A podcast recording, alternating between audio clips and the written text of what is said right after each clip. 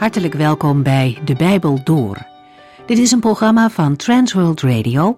U kunt ons ook vinden op internet www.transworldradio.nl. De Bijbel Door is een radioserie die in vijf jaar tijd door de hele Bijbel gaat. Van Genesis tot Openbaring, van kaft tot kaft.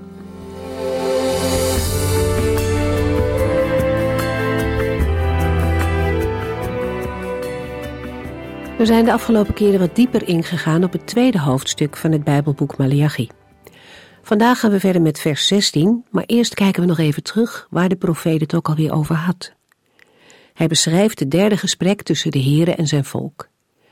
Kernonderwerp hierin is de trouw van God en de trouw van mensen. De profeet snijdt twee gebieden aan waarop het volk verkeerde keuzes heeft gemaakt. Allereerst zijn er veel gemengde huwelijken. Joodse mannen trouwen met heidense vrouwen. In onze tijd zouden we zeggen dat het gaat om huwelijken van christenen en niet-christenen. En de profeet zegt namens God dat dit niet overeenkomt met Gods geboden. In de wet had de Heer dit uitdrukkelijk verboden. De reden van het verbod is niet zo ingewikkeld. God wist dat ongelovigen hun eigen afgoden mee zouden nemen in het huwelijk en dat de afgoderij zomaar al te makkelijk een plaats in zijn volk zou krijgen. Het leven van Salomo laat zien hoe waar dit is. Salomo had veel vrouwen uit volken genomen waar hij bij vandaan had moeten blijven. Toen hij oud was, voerden zijn vrouwen zijn hart mee achter andere goden aan, zodat hij de Heere niet meer volkomen toegewijd was. Hij volgde de Heere, maar niet ten volle zoals David dat wel gedaan had. En de gevolgen waren groot. Het rijk Israël viel uiteen in tweeën. De Bijbel geeft ook voorbeelden waarin Joodse mannen wel met een buitenlander trouwen. Denk maar aan Boas en Rut. Maar het grote verschil is echter dat Rut de afgoden vaarwel had gezegd en een duidelijke keuze maakte om alleen de Here te volgen. Tweede punt dat de profeet aansnijdt is echtscheiding. Die kwam veel en makkelijk voor. Schokkend is wel dat het volk de Heere vraagt wat er nou eigenlijk mis is. Ze brengen hun offers, maar ze zien dat de Heere die niet aanneemt. En ze weten niet waarom, zo zijn ze gewend geraakt aan een levensstijl die afwijkt van Gods normen. Maar de Heere maakt hen opnieuw bekend wat zijn wil is. Hij herinnert zijn volk eraan dat ze trouw moeten zijn aan hun eerste liefde. Vandaag gaan we verder in op dit onderwerp. We lezen Malachi 2, vers 16.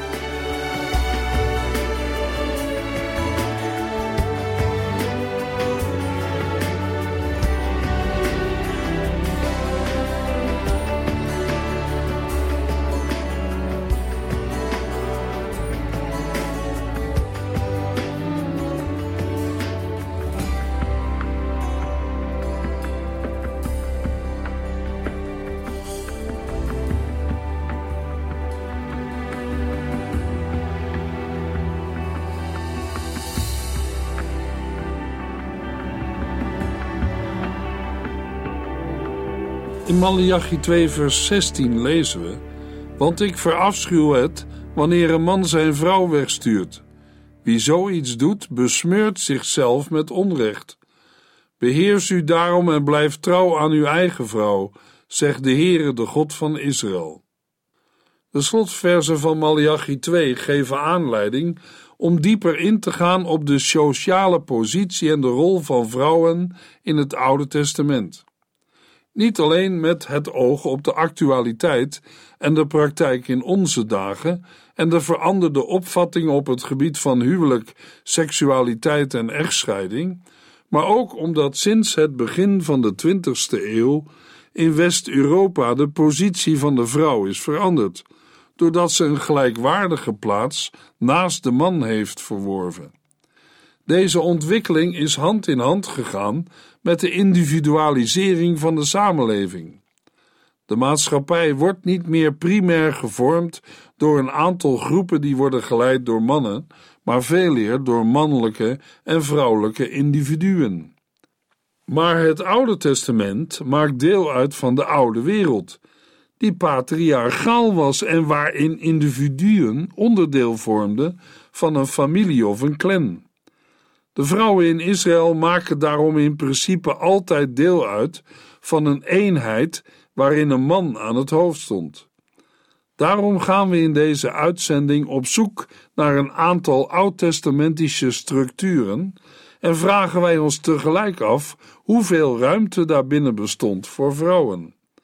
Daarnaast willen we ontdekken hoe het Oude Testament deze maatschappelijke verschijnselen een plaats geeft. Daarbij zal ook het thema echtscheiding aan de orde komen. Binnen de oud-testamentische samenleving heeft de vrouw in principe geen zelfstandige positie. Wanneer ze jong is, valt ze onder het gezag van haar vader, en wanneer ze trouwt, komt ze te staan onder de autoriteit van haar man. In Mesopotamië vonden enige tijd na de geboorte van een kind gebeurtenissen plaats die een kind en de omgeving moesten bevestigen in het onderscheid tussen de geslachten. We kunnen in dit verband wijzen op een gebruik dat bekend is uit Sumerische teksten, waarin een jongetje een wapenstok en een bijl vasthoudt en een meisje een weefklos en een houten haarbeugel. In het Oude Oosten waren dat algemeen erkende symbolen van man en vrouw. Door deze typische vrouwenvoorwerpen werd het meisje al op jonge leeftijd bevestigd in haar rol als vrouw. Het Oude Testament kent geen aanwijzingen voor het bestaan van zulke gebruiken of rituelen. Alleen in Deuteronomium 22, vers 5 wordt gesproken over mannelijke gebruiksvoorwerpen, waarbij wordt gedacht aan specifieke kleding of wapens. De tweedeling tussen man en vrouw komt in het Oude Testament wel naar voren in de besnijdenis, die kort na de geboorte plaatsvindt. De jongens werden besneden, maar de meisjes niet.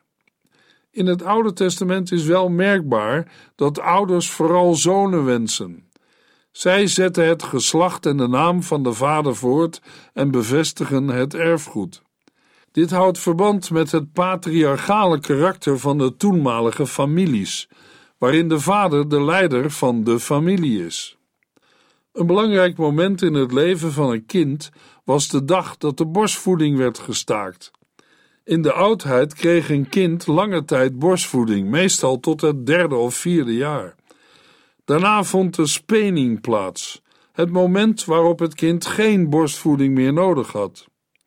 Bij de spening werd een feestmaaltijd gehouden. Nadat een meisje gespeend was, bleef ze in de buurt van haar moeder om door haar te worden opgevoed. Uit Mesopotamische bronnen weten we dat deze taak vaak ook aan een oudere zus of broer werd overgelaten. Gedurende deze periode was de vader weinig actief betrokken bij de opvoeding. Bij de eerste menstruatie breekt een nieuwe levensfase aan voor het meisje. Binnen de Babylonische cultuur onderscheidt men het tijdstip waarop een meisje seksueel rijp is en daardoor manbaar is geworden. Vruchtbaarheid werd vooral opgevat als een zegen, maar er zaten ook schaduwkanten aan. De menstruatie bracht het Israëlitische meisje maandelijks in een sociaal isolement, omdat ze gedurende haar menstruatie gold als onrein. Bloed werd ervaren als zetel van het leven en het bij ongesteldheid horende verlies ervan gold als verlies van leven.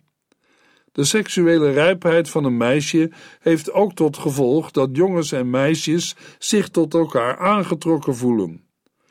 Hoewel huwelijken uiteindelijk via de ouders werden gearrangeerd, was het niet zo dat meisjes in de tijd van het Oude Testament geïsoleerd leefden.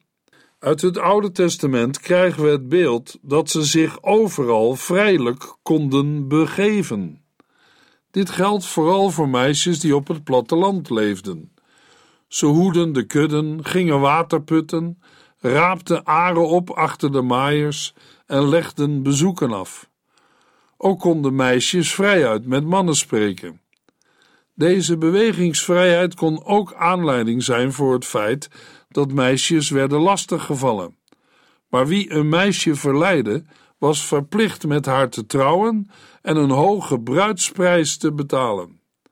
Het was de betrokken man niet toegestaan de vrouw later weg te zenden.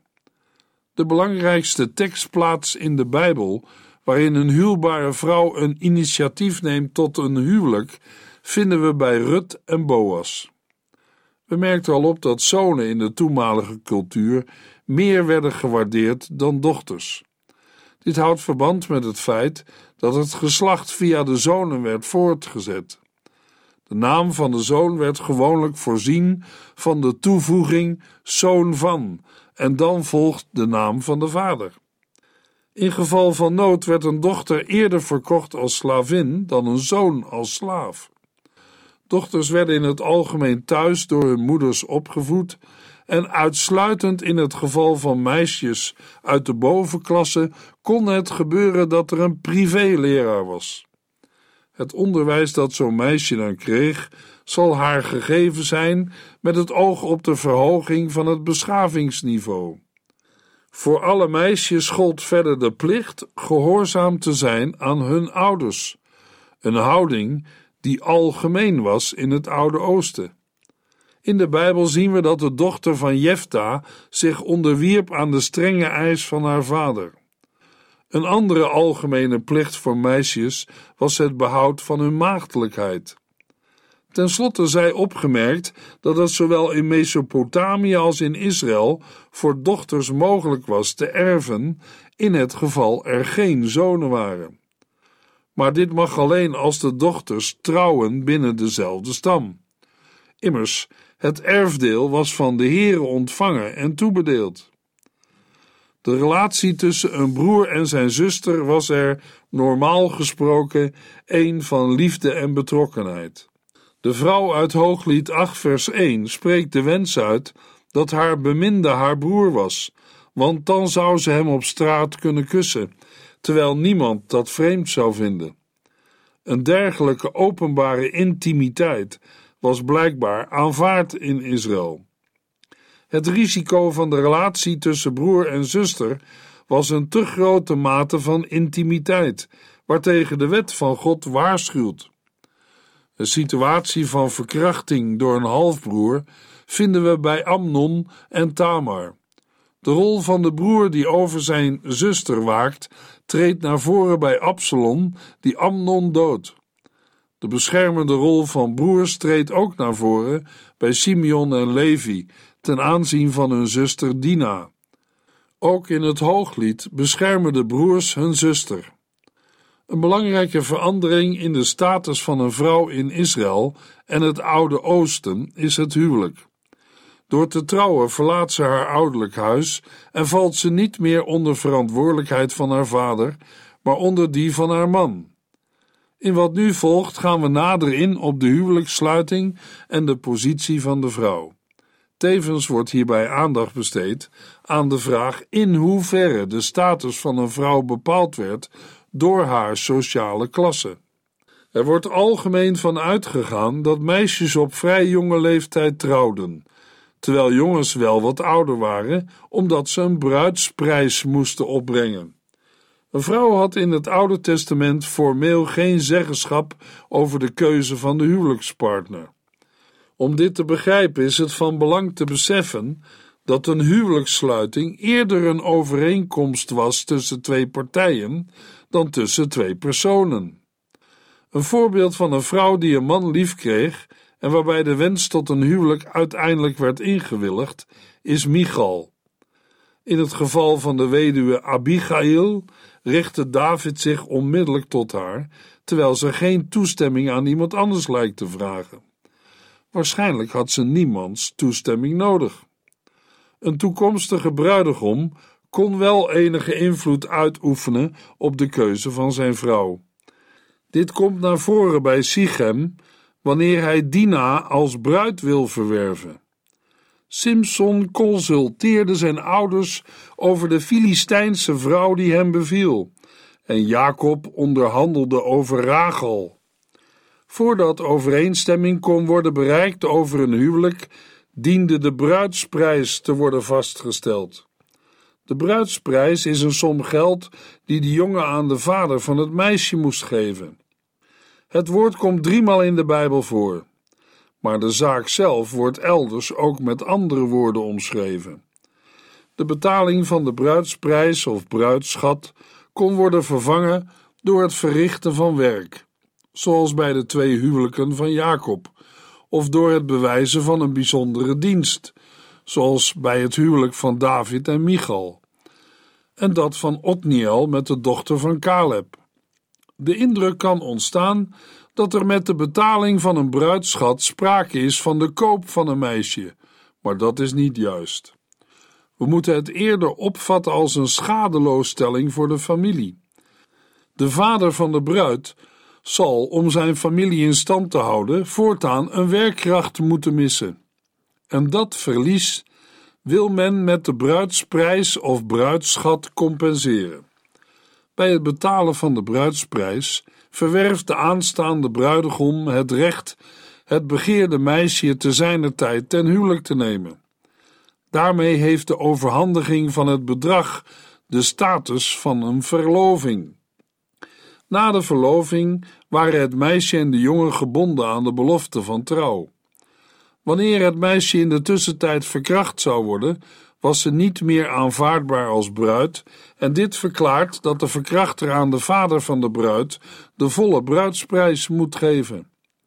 Na verloop van tijd werd de bruid naar het huis van de bruidegom gebracht. Dit was een bijzonder moment, omdat ze emotioneel en zakelijk afgesneden werd van haar eigen familie en voortaan deel ging uitmaken van de familie van haar man. Tijdens het feest dat hiermee gepaard ging, was zij met mooie kleding en juwelen getooid. Vergezeld door vrienden met tamboerijnen en andere muziekinstrumenten, werd zij naar het huis van de bruidegom geleid. Gedurende de feesten, die enkele dagen duurden, bleef zij gesluierd. Zowel bij Israël als bij de omringende volken leefde de hoop op een rijke kinderzegen. Het was niet ongebruikelijk dat een bruid die geen kinderen kreeg, in ongenade viel bij haar man en dat deze haar ervan beschuldigde niet geslachtsrijp te zijn. Ook de maagdelijkheid was van belang. De angst voor verstoting moet in de tijd van het Oude Testament groot zijn geweest. Soms moest de bruid andere vrouwen naast zich dulden, aangezien er polygamie bestond. De vrouwen konden gelijkwaardig zijn, maar het is ook mogelijk dat er onderscheid was, zoals bij de koningin en de andere vrouwen van de koning. Ook was er verschil tussen de officiële echtgenote en een bijvrouw. Maar het bijbelse ideaal was het monogame huwelijk. In het Oude Testament is er ruimte voor huwelijken met meer vrouwen. Maar uit de bijbelse verhalen blijkt impliciete kritiek op polygamie, mede omdat die in de praktijk tot veel problemen leidde. De geschiedenissen van Abraham met Sarah en Hagar en van Hanna en Peninna laten zien tot welke complexe situaties dit leidt wanneer de een wel kinderen krijgt en de ander niet. In het Oude Testament is niets bekend over een geschreven huwelijksdocument. Over een godsdienstige ceremonie rond de huwelijkssluiting valt weinig te zeggen. In het verleden is nog eens beweerd dat een dergelijke ceremonieel ontbrak, omdat het huwelijk een zuiver burgerlijke aangelegenheid was. In recente tijd komt men hierop terug en, hoewel de precieze vorm van de ceremonie onbekend is, neemt men aan dat een godsdienstige plechtigheid wel heeft plaatsgevonden. Een overweging hierbij is dat het gewone en godsdienstige leven in de toenmalige cultuur sterk met elkaar verbonden waren. Het huwelijk van de vrouw in Israël maakte deel uit van de wil van God. In de toenmalige cultuur gold het moederschap als de hoogste levensvervulling van een vrouw. Kinderloosheid werd als een grote schande beschouwd, wat blijkt uit de wanhoop van Rachel en het verdriet van Hanna. Een vrouw in het Oude Oosten verlangde naar kinderen en dan het liefst naar zonen, omdat het geslacht via hen werd voortgezet. Het krijgen van kinderen werd opgevat als een geschenk van God. Opvallend genoeg werd de naamgeving van het kind meestal verricht door de moeder. Hoewel zowel man als vrouw het kind de naam konden geven, blijkt dat de moeder op dit terrein een grote bevoegdheid had. De moeder had vervolgens de verantwoordelijkheid voor de opvoeding van het kind. In algemene zin valt op te merken dat de vrouw in haar positie als moeder een betrekkelijke gelijkwaardige positie heeft naast haar man. Het gezag van de moeder strekte zich vooral uit naar de kinderen. Maar haar gezag werd beperkt door de beslissingen van haar echtgenoot. Een man kon bijvoorbeeld een onbezonnen gelofte van zijn vrouw ongedaan maken. Soms probeerde moeder haar doel te bereiken op indirecte manieren. Zo zette Rebecca haar zoon Jacob ertoe aan Isaac te bedriegen. Vervolgens oefende ze invloed op Isaac uit door hem erop te wijzen dat Jacob beter zijn vrouw buiten Canaan kon zoeken. Haar verborgen agenda was dat ze zo Jacob kon beschermen tegen de wraak van Esau. Wanneer een vrouw haar man met andere vrouwen moest delen, zal de noodzaak zich door list te handhaven des te groter zijn geweest. Hoewel het huwelijk in Israël en het Oude Oosten werd opgevat als een instelling die voor altijd gold, kon het ook worden ontbonden. De belangrijkste grond voor echtscheiding was overspel. In principe werd hierbij ook de dood van de overspelige vrouw en haar man geëist. Maar de man had meer mogelijkheden, want hij kon een vrouw ook verstoten als hij iets schandelijks op haar had aan te merken. In dat geval moest wel een scheidsbrief opgesteld worden, die de vrouw toestond opnieuw te trouwen. Maar de vrouw had niet het recht een echtscheiding aan te vragen. Tegenover de echtscheiding vanwege verbetering van de status roept de profeet Malachi op trouw te zijn aan de vrouw van uw jeugd. De gedwongen echtscheidingen in de Bijbelboeken Esra en Nehemia hadden een bijzondere reden en waren bedoeld om de godsdienstige zuiverheid van het volk te bewaren. Malachi 2 vers 16 bevestigt hoe de Heere over echtscheiding denkt. Want ik verafschuw het wanneer een man zijn vrouw wegstuurt. Wie zoiets doet, besmeurt zichzelf met onrecht. Beheers u daarom en blijf trouw aan uw eigen vrouw, zegt de Heere, de God van Israël. Wanneer een vrouw weduwe werd, betekende dit niet dat ze onafhankelijk werd. Eerder was zij door haar huwelijk een lid van de familie van haar man geworden. Wanneer haar schoonvader langer leefde dan haar man, bleef ze onder diens gezag staan. Pas wanneer zowel de schoonvader als haar eigen vader gestorven was, gold ze als een onafhankelijke vrouw. Deze positie was uitsluitend voordelig voor haar wanneer ze over eigen vermogen beschikte. In het Oude Testament komt de positie van de weduwen vaak ter sprake en het is een plicht hen te beschermen.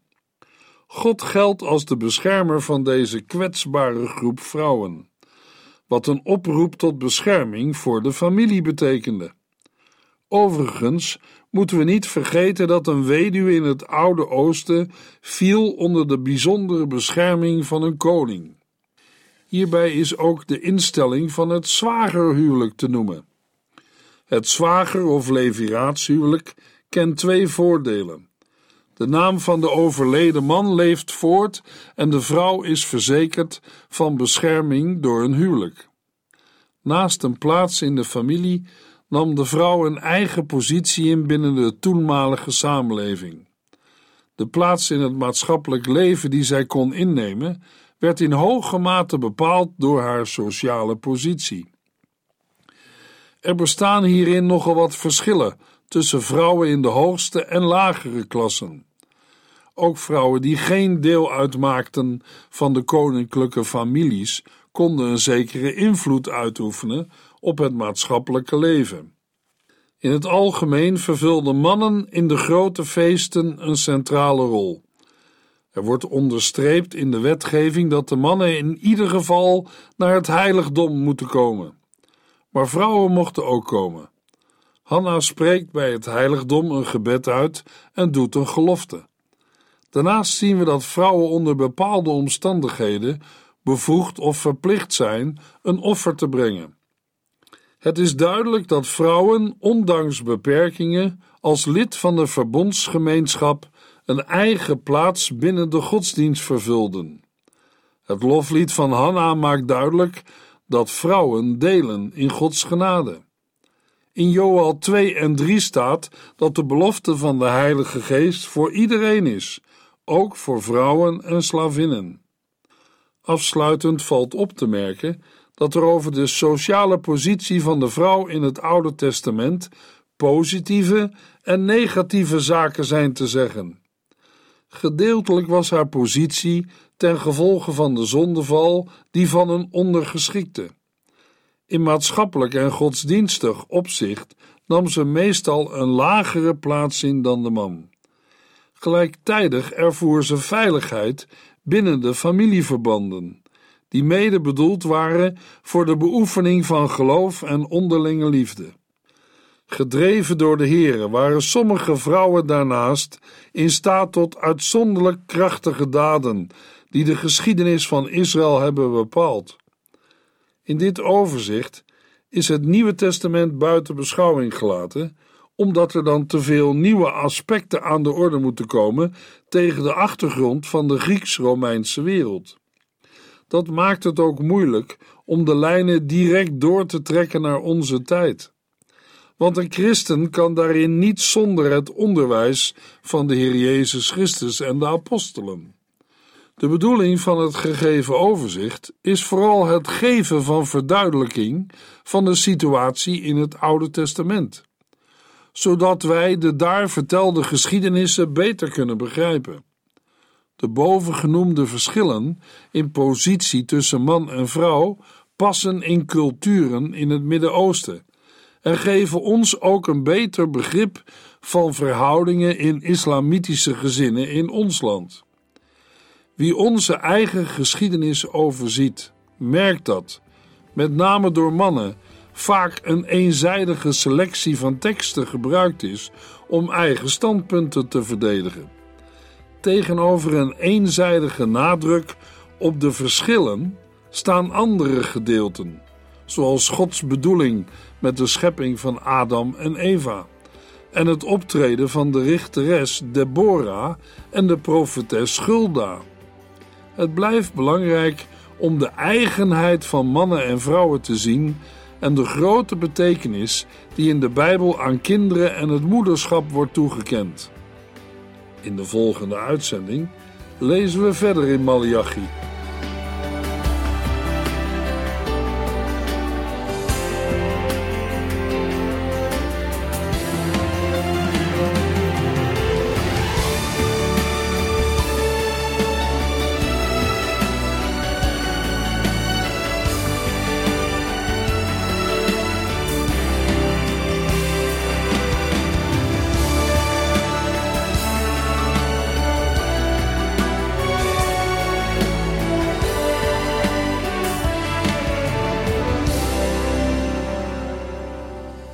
Eindigt deze aflevering van De Bijbel Door. Een serie programma's van Transworld Radio. Wilt u ons iets vragen of meer weten? Dan kunt u altijd contact met ons opnemen. Bellen kan overdag met 0342 478432. Per post Transworld Radio. Postbus 371. Postcode 3770. Anton Johannes in Barneveld. En e-mailen kan ook. De Bijbel door at transworldradio.nl En natuurlijk ook via onze website transworldradio.nl Dit programma werd gepresenteerd door Cor Weda en Ike André. En namens iedereen die er nog meer aan meegewerkt heeft, graag tot de volgende keer.